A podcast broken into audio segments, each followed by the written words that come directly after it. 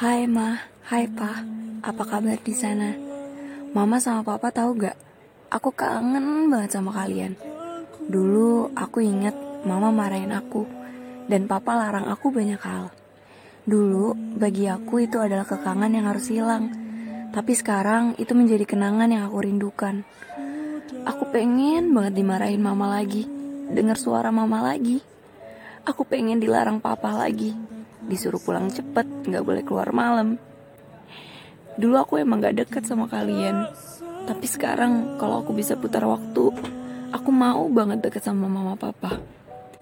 Karena nahan rindu itu sakit, bayangin.